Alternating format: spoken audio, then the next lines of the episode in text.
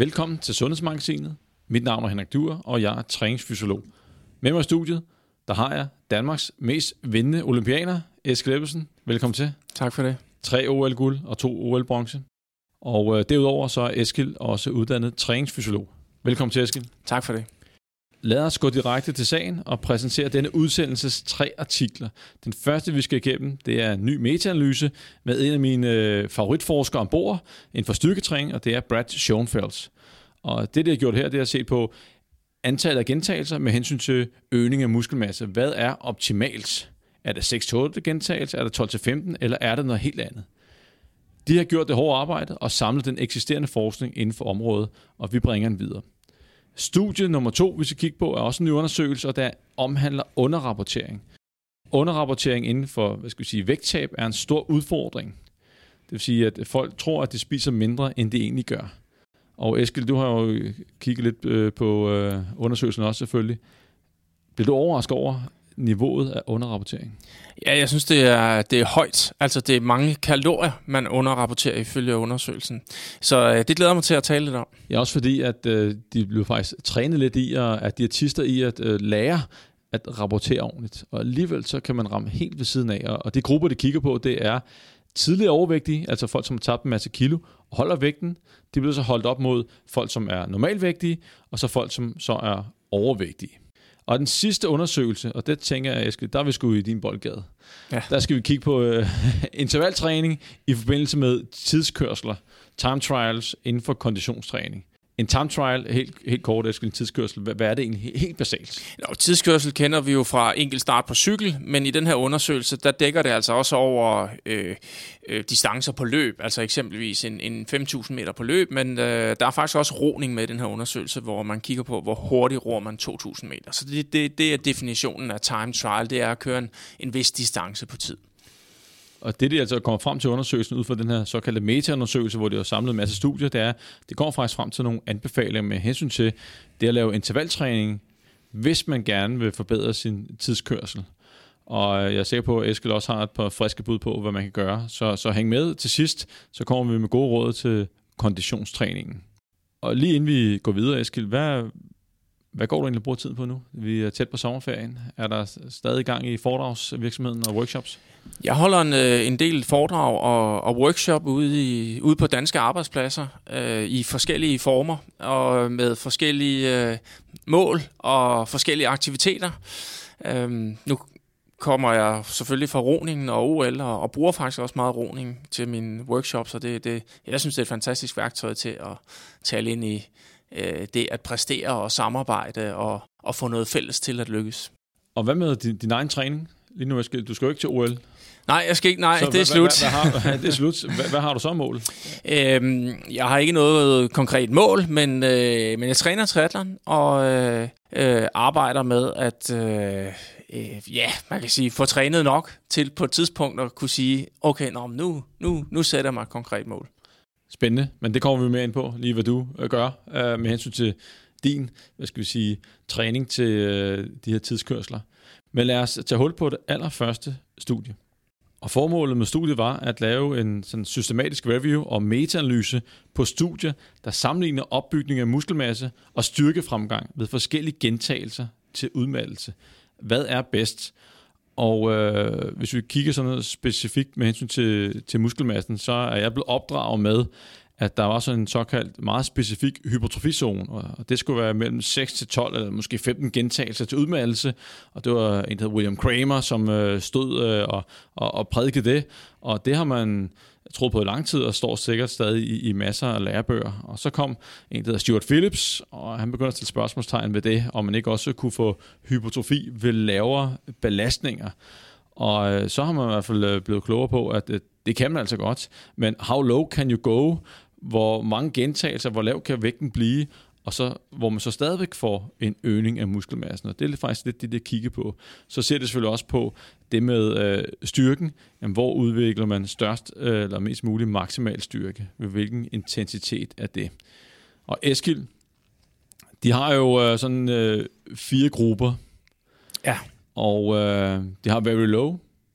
Det er 35 RM, og det er over, det er 35 over, gentagelser. over 35 RM, ja.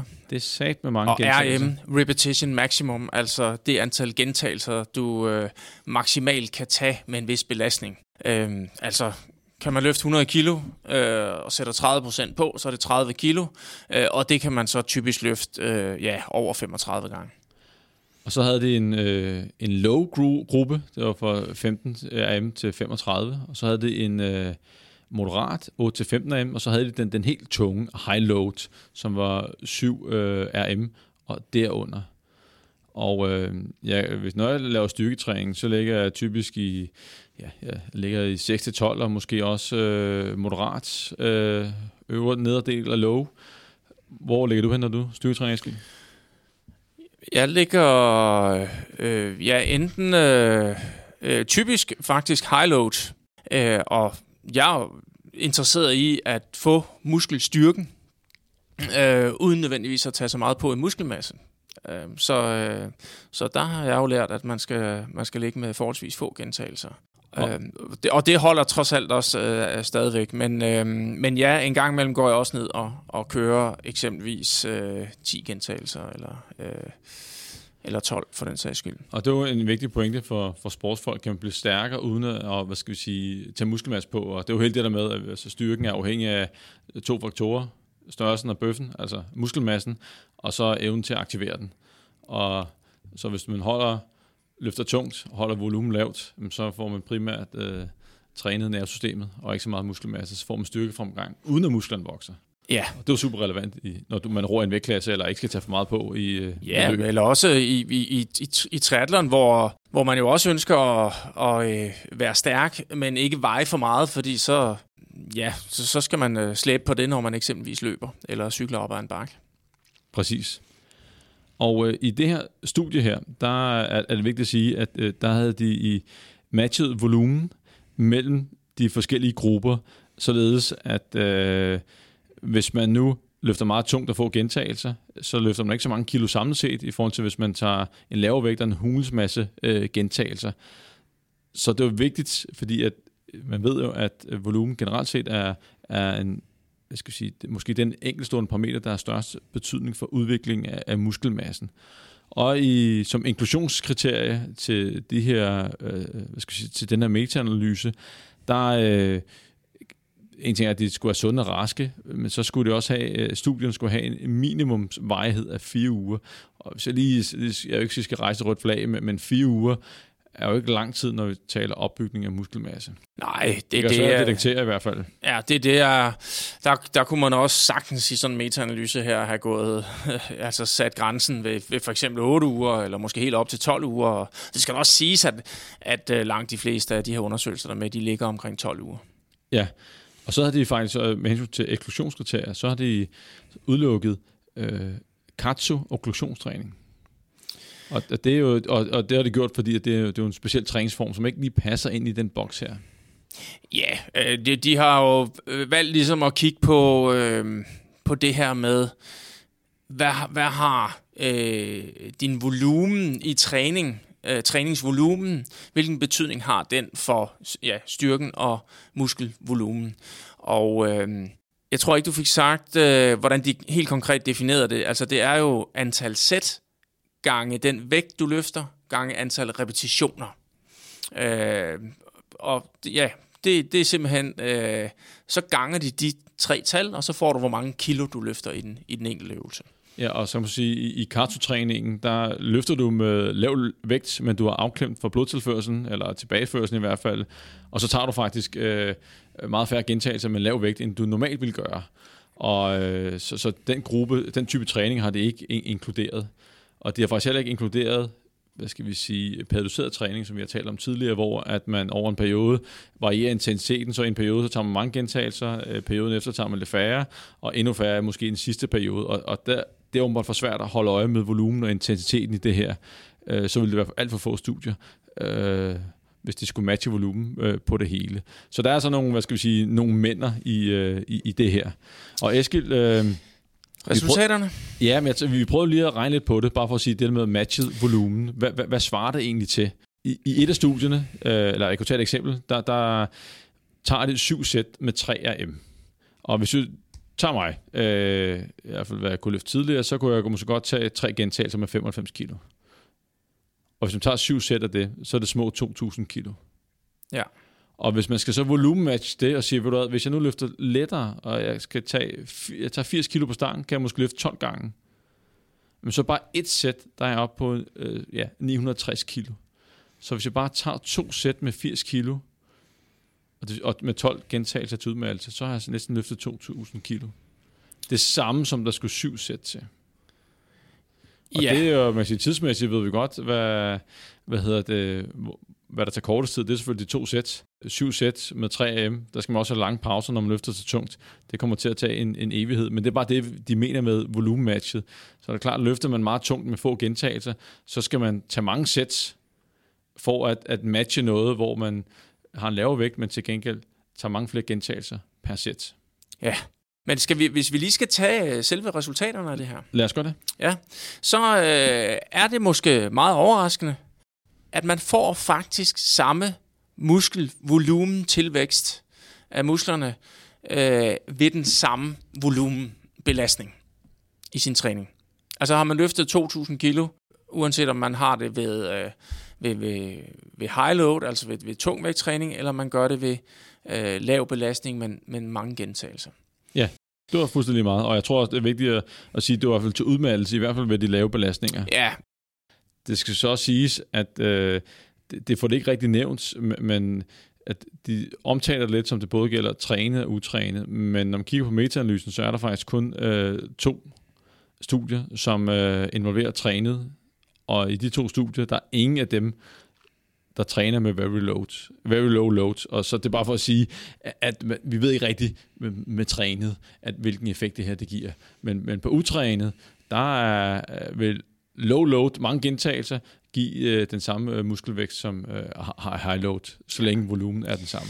Ja, og det er jo øh, en virkelig god pointe, og det er i virkeligheden rigtig godt set, fordi det er jo ikke noget, der sådan lige står up front i den her undersøgelse. Der skal man altså ned i øh, detaljerne for at, at, at finde det her. Øhm, men det kunne være et super, super interessant øh, øh, forsøg at få med. Øh, det vi også lige mangler at fortælle, det er jo, at når vi kigger på styrken, Absolut. som jo også Vigtigt. mange er Vigtigt. super, super Ja. interesseret i, og ikke kun øh, muskelvolumen, jamen øh, der viser det sig altså helt klart, at øh, jo tungere du løfter, jo stærkere bliver du.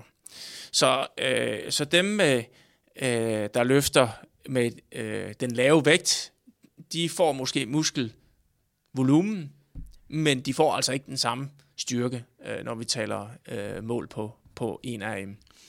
Vi havde jo et øh, interessant studie her for øh, et par gange siden, hvor det faktisk var gruppen, der havde lidt lavere volumen, som faktisk endte med at få den højeste fremgang. Det var overraskende, ja.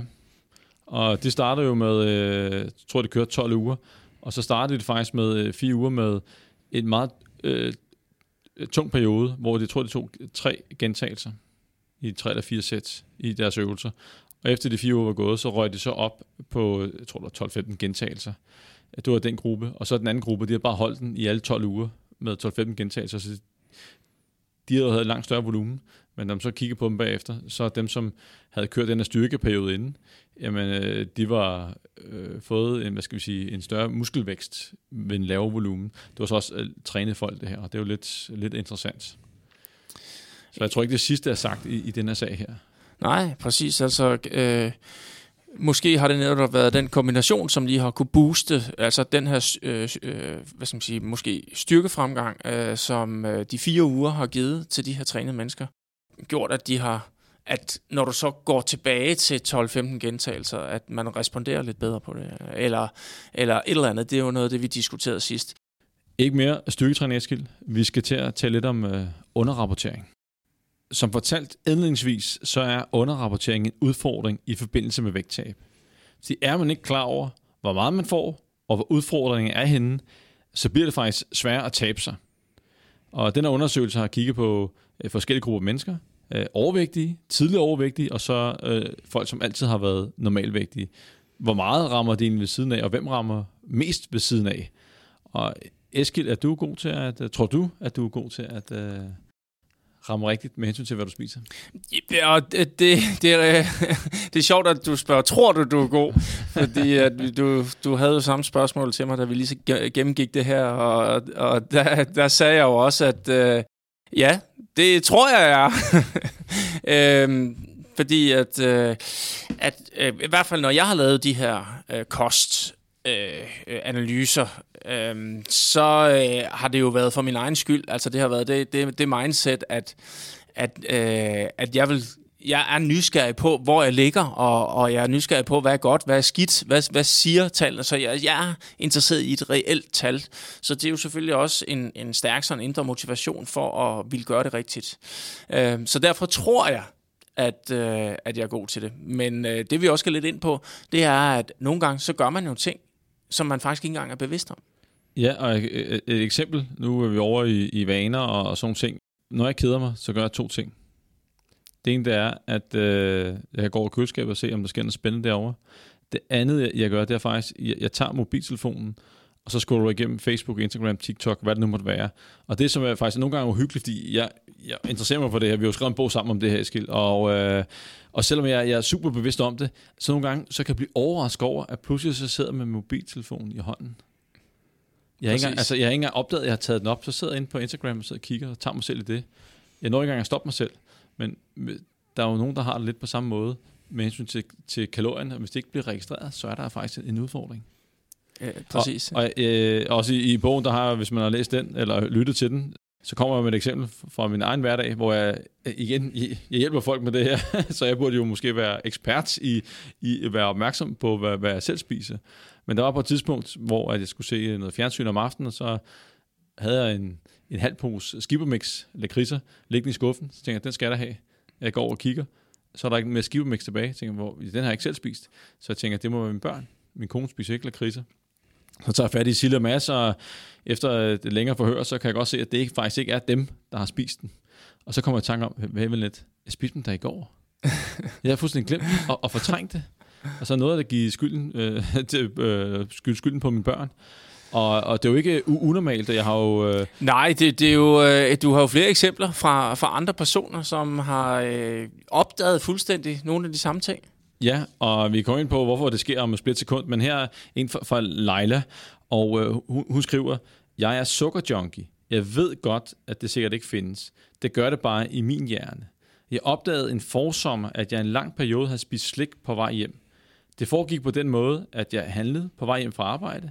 Så købte jeg en chokoladedims, eller helst en is, og spiste den på vej hjem. Og bagefter havde jeg ingen erindring om det. Jeg fortalte den der folk, at jeg sjældent spiste sødsager. Jeg skammer mig virkelig over det, da det gik op for mig, hvad jeg havde gang i. Det var, det var lidt vildt, ikke? Hun opdagede det først, da hun så bongen. og, og, og, og jeg har en anden en her faktisk for nylig, og, og selvom vi igennem forløbet vi faktisk inde på måned 4, øh, arbejder med opmærksomheder og, omkring de ting. Hvornår er det, kalorien kommer ind? Så kommer der alligevel en, en, en overraskelse for en her. Jeg har taget mig selv i at spise chokolade, som står ved siden af kaffemaskinen på arbejde, uden at tænke over det. Jeg blev sådan helt overrasket og tænker, kan man virkelig snyde sig selv af, hvad man nu kan kalde det? Altså have skyggeklapper på og spise noget, uden at tænke over det, eller nærmest ikke opdage det. Og det kan vi bare konstatere, ja, det kan man godt. Ja, og det, øh, det understreger jo blot øh, noget om, hvordan hjernen fungerer. Altså, det, der overrasker mange, det er jo, at øh, langt, langt de fleste af vores, vores handlinger, øh, de er faktisk styret per automatik, øh, og de foregår mere eller mindre ubevidst. Og så har vi jo vores øh, øh, som vi også skriver om i, i, i bogen. Altså vi har jo øh, system 1 og 2, og øh, vores system 2 er jo det bevidste, som, som, som ligesom overvåger vores handlinger og regner øh, fordele og konsekvenser ud af det, vi gør. Men, øh, men det har en, en lav kapacitet, og det er ret tungt, så, øh, så det ser ikke alt. Og nogle gange kører det på meget, meget lav blus, og så er det vores system 1, som bare tænker i overlevelse og, og, og får opfyldt vores behov som, som tager over. Øhm, og det kan åbenbart også få os til at spise, uden vi opdager det. En ting er helt sikkert, at det der med, det kører på automatpiloten, så får man det ikke registreret, men jeg tror også, at der ligger i nogle gange en, en grad af, også af fortrængning. Altså man gerne vil, vil, vil fortrænge det. Og nu øh, har jeg efterhånden hjulpet en del mennesker, og vi har selvfølgelig altid øh, hvad skal vi sige, en snak om, hvordan sådan en, en hverdag ser ud, eller en weekenddag ser ud med hensyn til kosten. Og, og, og tro mig, alle skal nok nævne alt det gode, de spiser i løbet af en dag. Øh, og mange gange, så er det det der med slik, soda og chips, det skal man ligesom grave ud af dem. ikke forstået på den måde, at de ikke vil fortælle det, det, det vil de gerne, men, men nogle gange så er det bare det, det gode, der bliver fremhævet først, og så er det, der kommer ned på papiret. Øh, jeg har et andet eksempel her, som er lidt i måske det der med, at det ikke bliver registreret, at man tænker, at det, det betyder ikke noget, altså for fortrængningen. Og det er Elisabeth, hun skriver her, jeg var super slem til at snakke. Hver gang jeg var i køkkenet, tog jeg et par nødder, et stykke mørk chokolade, en vingummi, et par vindruer osv. Smager en del, når jeg laver mad også, skriver hun. Tænkte ikke over, at det var ret meget, men når man gør det 10 gange om dagen, så bliver det til meget. Det er det. Og 10 stykker chokolade i løbet af en dag, og lidt vingummi og nogle vindruer, det løber op. Og hun skriver faktisk, at øh, hun blev bevidst om det, og så lige begyndt at få styr på situationen, så tabte hun faktisk 18 kilo. ja. Så der er altså noget om det her underrapportering, Eskild. Ja, øh, og det er der i, i høj grad, og det er ikke bare, at man lyver for sig selv. Det, er, det, er, det, det kan simpelthen også være årsagen, at man, øh, at man simpelthen ikke opdager det. Øh, eller man har sådan lige en øh, sådan mere eller mindre ubevidst øh, fortrængning af det, som du siger. Og det er det, de faktisk forsøger at, at kigge lidt på her i, øh, i det her studie her. Måden, de har gjort det på, for at finde ud af, hvordan underrapporterer man, hvordan holder man egentlig øje med folk. De havde øh, bedt de her mennesker om at registrere deres kost to hverdage og en weekend, og de havde fået instruktioner af en diætist i, hvordan man gør det. Så man skulle mene, at så bliver der ramt nogenlunde præcist. Men der er også det der eskild, når man så bliver bedt om at registrere ens kost, så, så kommer der en, en anden udfordring. Ja, ja og det, det har jeg jo mærket på mig selv, men, men øh, i høj grad også hos mennesker, jeg har øh, hjulpet, at øh, når man beder dem om at registrere, jamen så spiser man automatisk sundere. Den, den, den der bevidsthed bliver jo meget, meget større. Og der kan også være nogle ting i det der med, at man skal skrive ned og notere, at, at man simpelthen ikke, øh, altså man simpelthen ikke gider at spise det, man har lyst til, fordi at så skal man lige finde ud af, hvor meget vejer det og, og, og så videre. Så, så der kan være noget, noget dogenskab i det også, som gør, at man spiser mindre, når man registrerer. Så der er jo altså en risiko for, når man bliver bedt om at registrere sin mad, at, at man decideret simpelthen øh, spiser mindre, end man plejer. Ja, og specielt fordi, som du siger, at øh, for nogle af dem, der kommer den der øget opmærksomhed. Når hvad er det egentlig, jeg spiser? Og vær lidt, det der skal jeg ikke have så meget af. Ja. Og, og jeg har oplevet selv, hvor folk har sagt til mig, jeg, jeg, jeg får ikke særlig mange kalorier, jeg får måske 1500 kalorier, og jeg taber mig ikke. Jeg forstår det ikke. Så tænker jeg, det, det forstår jeg heller ikke, fordi at, øh, jeg kender fysikkens lov med 1500 kalorier, og den person, som nu fik 1500 kalorier, havde helt sikkert brug for flere for at holde vægten, og personen var også fysisk aktiv, og så hun mente at ikke, at hun spiste noget ud over. Så sagde jeg, prøv lige at registrere din, din kost de næste par dage. Og så tabte hun sig. og så kom hun tilbage på sporet det, det handler om, at vi nogle gange kommer til at køre på autopilot, og det gør øh, alle mennesker, og, og kan man bare skabe en lidt større bevidsthed om det, jamen så har man faktisk hjulpet sig selv øh, rigtig, rigtig meget. Der er også, øh, der er også en, en anden ting, som kan ske. De her personer, som er med i den her undersøgelse, de bliver jo ligesom observeret over otte dage, hvor man, hvor man øh, kontrollerer, om de er vækststabile. Så de bliver jo ligesom varet hver dag i de her otte dage, men de bliver jo så kun, de skal kun registrere på to almindelige dage og en weekenddag. Og det har man sådan øh, fundet ud af, at det er sådan repræsentativt. Øh, man spiser nogenlunde det samme på hverdag, man spiser nogenlunde det samme på weekenddagene. Men der, der er jo også den her med, øh, som vi taler lidt om, at øh, står der en pakke chips øh, op i skabet der, og man sådan tænker, øh, normalt så vil jeg lige, øh, lige tage en håndfuld chips nu her, men øh, det gider jeg ikke, når jeg skal registreres. Så jeg gemmer, så jeg gemmer den, gemmer den lige til i morgen. Nå ja, ja, ja, ja, altså man skal bare være bevidst om, at, at, at når man laver sådan nogle undersøgelser og, og ser de her tal, at det, det er jo sådan nogle ting, man, man kan blive fanget af. Øh, mere eller mindre ubevidst. Så måden de lige får øh, lige genopfriske, så øh, kostregistrerer de for at finde ud af, hvad mente de selv, de spiste, og den, den anden del, øh, det var med hensyn til, hvordan øh, de så fandt ud af, hvad det egentlig spiste. Det, det var, at de, de var vækstabile, så antager det, når man er vækstabil, så er kalorieindtagelsen lige med kalorieforbruget. Så det, de faktisk estimerede rimelig præcis, det var øh, kalorieforbruget. Og så, øh, hvad skal vi sige, definerede de en underrapportering øh, under, så hvis, du, hvis de havde en kalorieindtagelse, som var selvrapporteret, som lå væsentligt under øh, energiforbruget, så blev det, hvad skal vi sige, noteret eller registreret som en underrapportering. Men selve resultatet, Eskild, det var alligevel, øh, altså, jeg har set sådan en type studie før, og, øh, men det er alligevel mange kalorier, Eskild. Ja, altså vi har jo de her tre grupper. Vi har øh, dem, som måske primært bliver undersøgt, altså de her overvægtige, som har tabt sig og er egentlig vækststabile på en normal vægt. Altså de har, de har et BMI på, på, på cirka 24. De havde altså en underrapportering på 605 kilokalorier i gennemsnit per dag.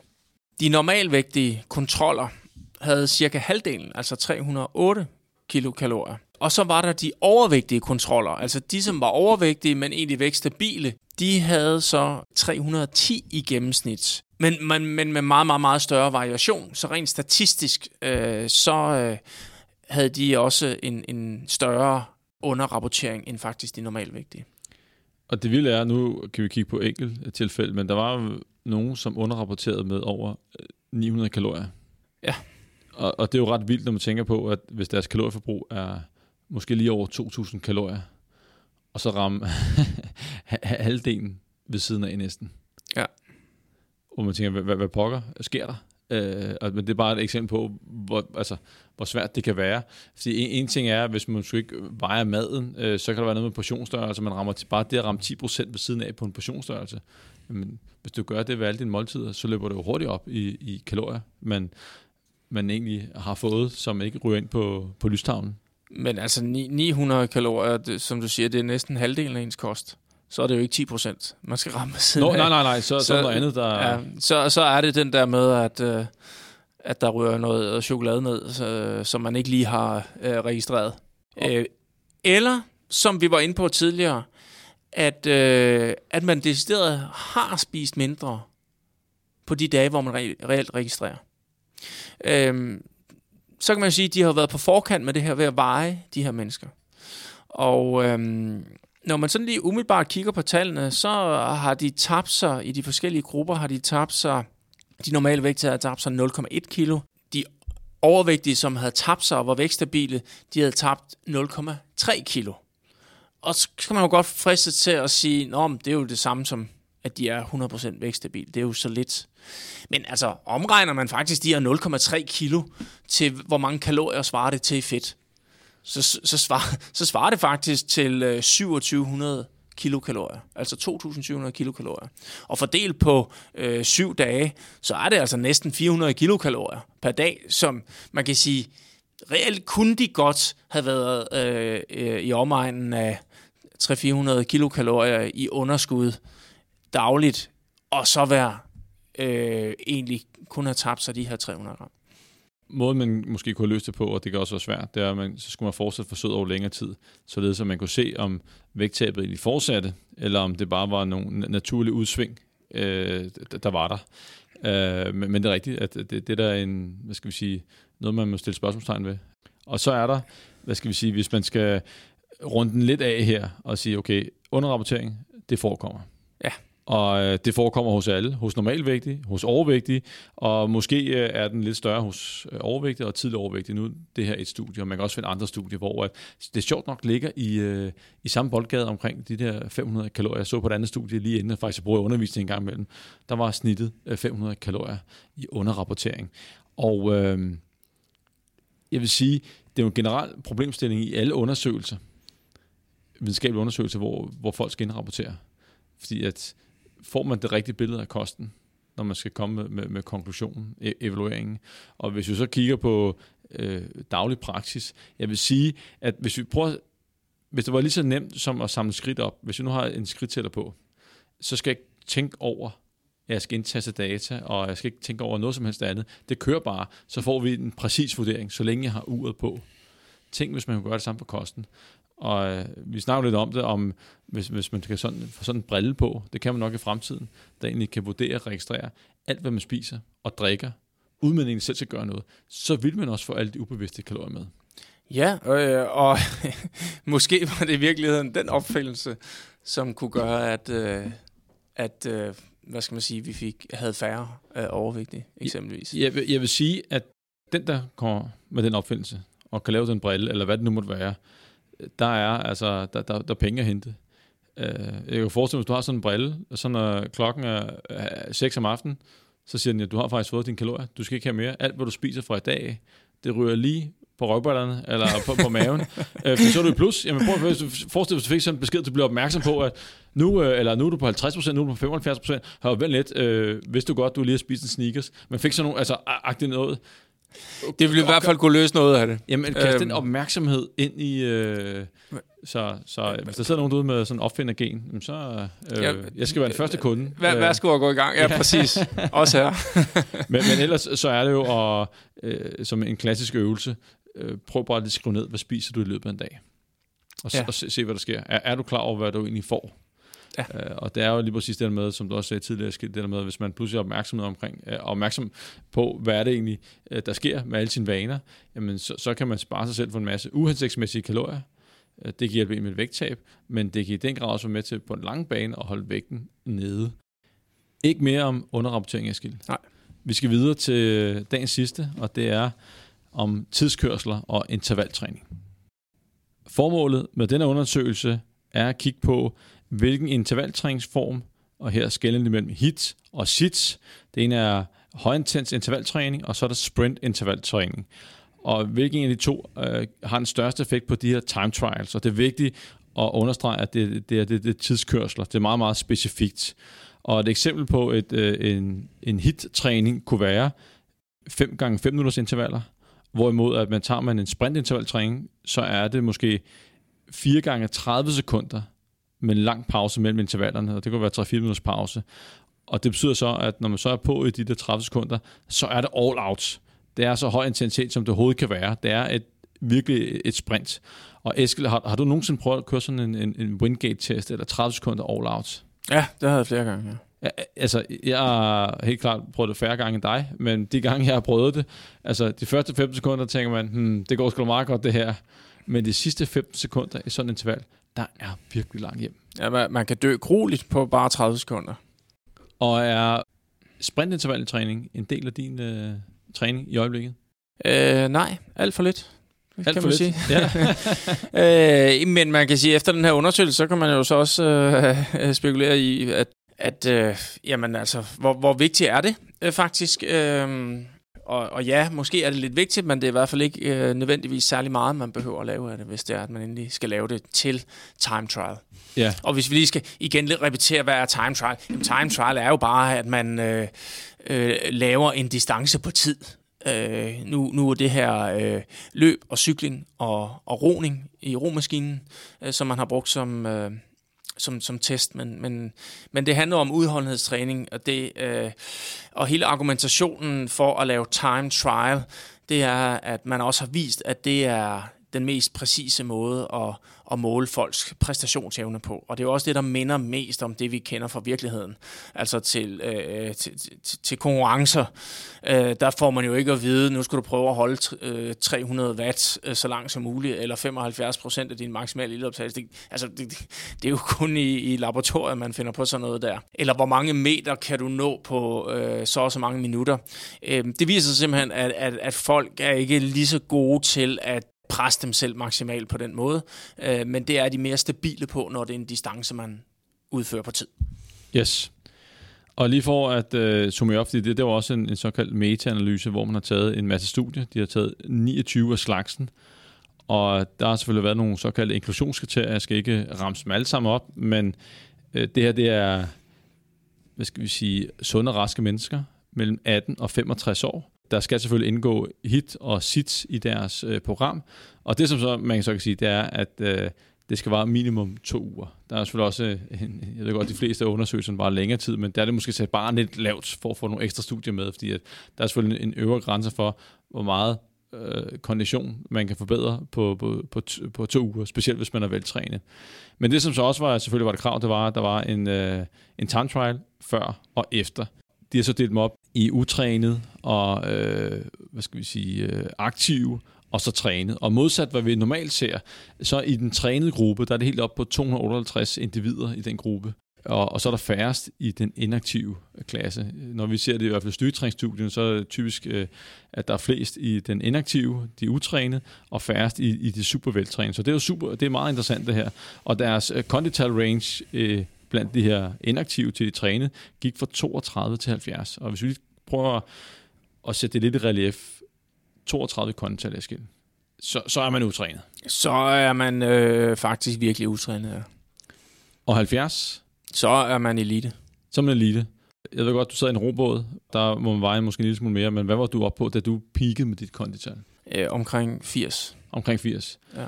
Og de aller højeste mål, det kondital, hvor, hvor er vi henne der? Hvad- er vi? Øh, cykelrytter 85, 90 stykker? Eller? Ja, faktisk måske endda langrensløber, øh, øh, hvor, hvor de bruger armene også. Jamen, der har, altså, altså, man har nogle enkelte eksempler hos, hos nogen, øh, som, som, som er over 90. Og så har vi øh, kvinderne, øh, de ligger selvfølgelig i gennemsnit lidt lavere. Der er noget, noget fysiologi der, der gør, at ofte så har de, vejer de lidt mere, som øh, følger en øget fedtprocent, der er måske også lidt mindre hemoglobin ja. Ja. i, i, blodbanen, som gør, at de ikke kan opnå de samme kondital som mænd. Så en kvinde med et kondital på 70 Eskild, det er Øh, det, sjældent set. Ja, det er meget, meget, meget sjældent. Øh, det, det er, dem er der ikke mange af i verden. Mens for mændene, der, så er der alligevel Øh, Der er det, sådan, kan man sige, meget typisk for eliteidrætsudøvere i, i, i, i cykling og løb og, og roning og øh, andre udholdenheds øh, idrætsgrene. Og lige inden vi går videre til selve hvad skal jeg sige, resultatet af, af undersøgelsen, så er en lille sjov anekdote. Det er en del år tilbage. Jeg var ikke selv med, men det var i noget, der hed TV2 Sportslab. Og der skulle de øh, teste effekten, eller hvad koster en bytur, det at drikke alkohol og, og få tøvmænd, hvad koster det på præstationsevnen? Det er sådan et evigt spørgsmål, man hvor, hvad, hvad koster det? Og så prøvede de sådan øh, på TV2, som jeg husker, det er en del år siden, at lave sådan en, en det var faktisk en tidskørsel på cykel, øh, kom så langt som muligt inden for, hvad ved jeg, x antal minutter, og så skulle de øh, lave det om, om fredagen eller om torsdagen, og så skulle de så drikke noget alkohol, og så øh, dagen efter de har drukket alkohol, så skulle de så lave præcis den samme test. Og det viste sig faktisk, at de klarede sig bedre efter øh, de har drukket alkohol med, med tøvmænd. Og så, øh, så de der forskere, der var med, i, eller den forsker, der var med, forsøgte selvfølgelig at argumentere fornuftigt for det, og der var selvfølgelig, at der ikke var nogen tilvænning til den time trial. Præcis. Altså, det er jo meget, meget, meget fristende at konkludere, at så skal man bare drikke sig i hegnet, før man skal præstere rent fysisk. Men der er jo en anden sandhed bagved, som du er i gang med. Ja, og, og det er Og jo, at øh, hvis man aldrig har kørt sådan en time trial før, og det er jeg ikke sikker på, at de havde i den der øh, undersøgelse, de der forsøgspersoner, der var med, så er det jo, en, det er jo et, kunststykke i sig selv, Eskild, at ramme den rigtigt. Jamen præcis, altså instinkterne, det er jo netop den der med, at hvis man har øh, en eller anden tid, man skal præstere over, om det så er 5 minutter, eller øh, 20 minutter, eller en time, øh, øh, så bliver man typisk fristet af at, at lægge lidt for hårdt ud, og sidde i starten og tænke, det er da super let det her, og så rammer hammeren, øh, og så finder man ud af, at det var måske ikke så let alligevel, og, og til sidst, der øh, ja, opdager man så, at man simpelthen bare skulle have, have lagt blødere ud, hvis man skulle holde det. Øh, hvorimod, at når man er lidt erfaren eller har prøvet det før, så ved man godt, at øh, jamen, det skal måske i virkeligheden føles lidt let i starten, hvis du skal kunne holde det, øh, den rette intensitet hele vejen. Og det at, at, at, at disponere ved at køre jævnt, jamen det giver simpelthen også en bedre tid. Altså det giver bedre gennemsnitsfat og, og ja, øh, bedre resultat. Ja, så det der egentlig skete i øh, det her lille sportslab-ting her, det var, at den negative effekt af tøvmænd blev opvaret og mere til af, at man havde lært at disponere kræfterne ordentligt. Ja, det er den ene ting. Den anden ting kunne jo også godt være, at der var en lille smule effekt af at rent faktisk have trænet øh, nogle dage i forvejen. Øh, og det, øh, når det er første gang, så, jamen, så, så, så kan der også være en, en, en lille fysiologisk respons på det. Yes. Eskild, den her meta-analyse, hvad fik du ud af den sådan overordnet set? Sit eller hit? Hvad du til? Øh, Jamen, jeg er helt klart til hit. Øh, og hvis vi lige skal definere hit i forhold til, til sit, jamen så, så hit, jamen det er jo, at man laver intervaltræning et sted sådan mellem øh, øh, ja, 75 til 100 procent af sin maksimale ildoptagelse. Hvorimod sprinttræning, det er ved en intensitet, der typisk er langt højere end ens maksimale ildoptagelse. Og det kan man sagtens, fordi kører man bare på de anaerobe systemer, øh, og man er mere afhængig af øh, muskelsyreudholdenhed og, og ens muskelstyrke. Øh, hvorimod at i, i hit-træningen, der, der bliver man mere afhængig af sin, sin ildoptagelse, i hvert fald i de længere intervaller. Så det er sådan, øh, det rammer lidt sådan to forskellige steder, og øh, i time trials netop på de her sådan for tre minutter og så helt op til, jamen, i princippet nærmest et maratonløb er jo også en time trial, men i det her forsøg, der, der, der foregår det sådan typisk fra 2.000 meters roning eller 2 km løb øh, op til øh, 40, 40 km cykling, altså sådan måske en times tid. Og, og de overordnede træk, det er jo, at der er mere volumen på. Det betyder noget af hittræningen. Ja, i hittræning er der typisk, altså du ty- træner jo typisk i, i længere tid med den intensitet, du nu træner. Det er klart, at uh, sit-træningen, uh, det er i langt, langt de fleste af de her undersøgelser, der er det 30 sekunder sprint af, af forskellige sæt og, og med forskellige pauser. Men altså typisk noget med øh, 10 gange 30 sekunder med 4 minutters pause, eller 5 gange 30 sekunder bare med med en, en, en 3-4-5 minutters pause. Øh, så, så det består typisk af 30 sekunder eller kortere, hvorimod at, at hit-intervaller øh, består af øh, man kan sige, et minut eller længere intervaller. Og så i den her undersøgelse, der er intervallerne, det længste jeg lige kunne se, var, var fem et halvt minut. Ja, og de kommer faktisk med nogle anbefalinger øh, til sidst. Det er, hvis man skal lave sin sit-træning, hvis man har det, så skal man faktisk kun gøre det i to uger. Ja, Øh, og, øh, og det er måske endda med udgangspunkt i, at du er utrænet. Ja. Og resten af tiden, hvis man skulle forbedre sådan sin tidskørsel, så skulle man op i de her intervaller, som faktisk varer, altså, øh, du sagde 5,5 minutter, og man skulle have nogle stykker af det, og det var faktisk sådan, jo flere man tog af dem, øh, jo bedre var det faktisk set over en hel uge. Ja, hvis vi lige skal sige, øh, fortælle resultaterne af hit-træningen, så, øh, så det her med intensiteten øh, var jo sådan overraskende ikke det, der var øh, super afgørende, men, men volumen igen var, var meget afgørende, at man har en vis volumen med høj intensitet. Det skal også lige ses i lyset af, at det er jo øh, rent faktisk forholdsvis lav volumen, der er i mange af de her øh, øh, træninger, når du laver hit. Fordi det er jo sådan noget, altså selvom du så laver øh, 10, 10 gange 1 minut, og man synes, det er rigtig, rigtig hårdt, jamen så er det stadigvæk kun 10 minutters træning. Øh, og så, så gør det kun to gange om ugen, jamen, så, så er det 20 minutter på en uge. Det er jo meget, meget lidt volumen. Hvorimod, at hvis man så laver øh, 5 gange 5 minutter med 2,5 minutters pause, som faktisk er, er måske det, eller er det mest anbefalede træningsprogram, så, øh, og du gør det tre gange om ugen, jamen, så får du pludselig en, en, en, øh, en, en volumen med høj intensitet på, på lidt over en time. Øh, og det er klart, at ja, det, det synes jeg er klart, at det giver et, et bedre resultat. Og så længe at intensiteten er op omkring der, hvor man presser sit system, 80-90 øh, procent af sin maksimale ildoptagelse, jamen så, så batter det altså noget. Ja, og så så det sådan en lille nuance, at sit havde faktisk en fin effekt ved løb, modsat øh, roning og, og cykling. Ja. Og hvad var sådan øh, tanken bag det? Jamen det var, det var simpelthen, at øh, netop den her sprinttræning i, ved løbetræningen kunne øh, øge øh, løbeøkonomien. Altså at man simpelthen kan... Øh, øh, altså man, man løber simpelthen længere på literen. Altså man løber hurtigere ved den, ved den samme iltoptagelse. Altså ved det samme kondital er du simpelthen i stand til at løbe hurtigere.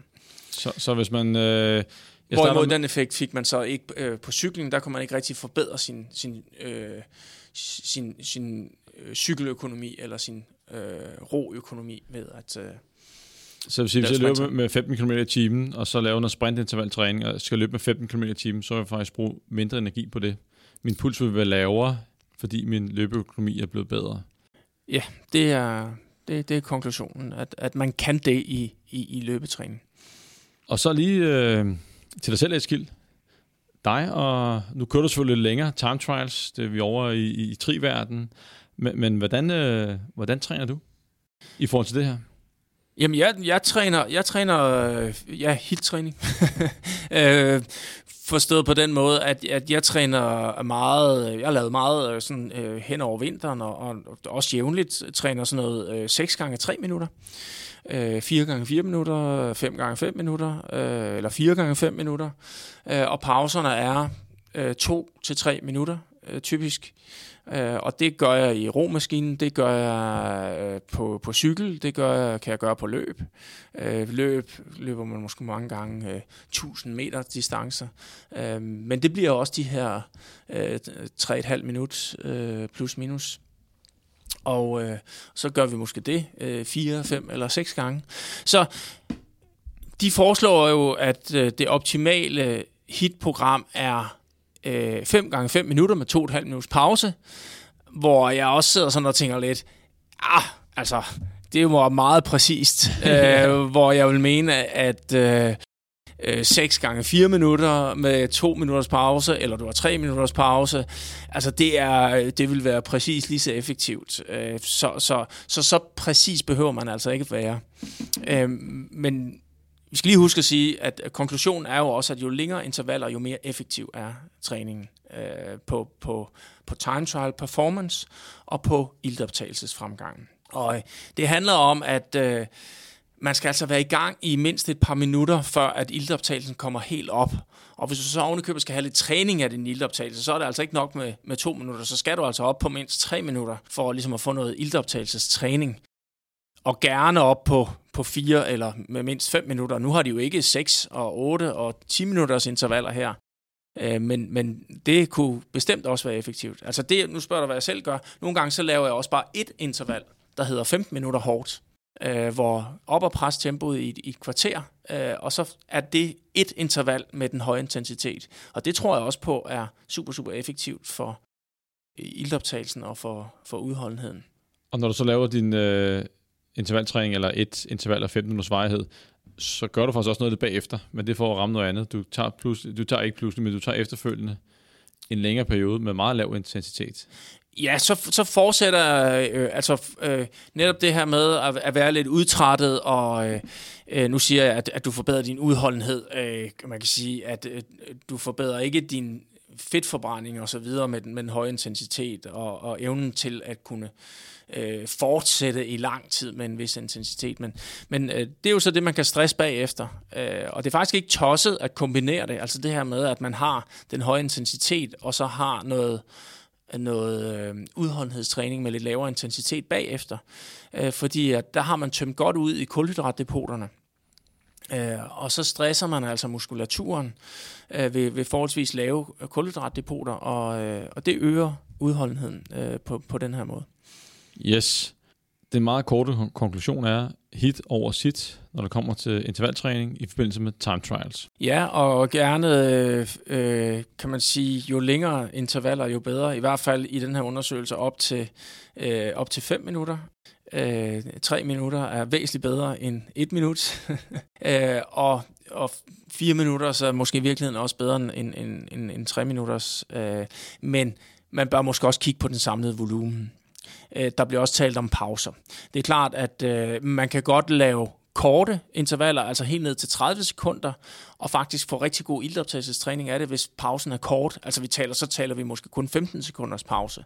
Øh, så det er også en alternativ måde at lave Ja, ja og som sige, øh, hvis man så kører med 15 sekunders pause, så er det svært at nå all out 30 sekunder. Du kan godt gå all out, men intensiteten vil ikke være den samme. Nej, så skal man, disp- man skal disponere sine kræfter, og yes. øh, det er klart. Det er klart, at...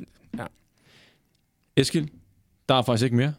Nej. Der er også næsten gået en time. Ja. og uh, tusind tak, fordi du gad at dukke op igen.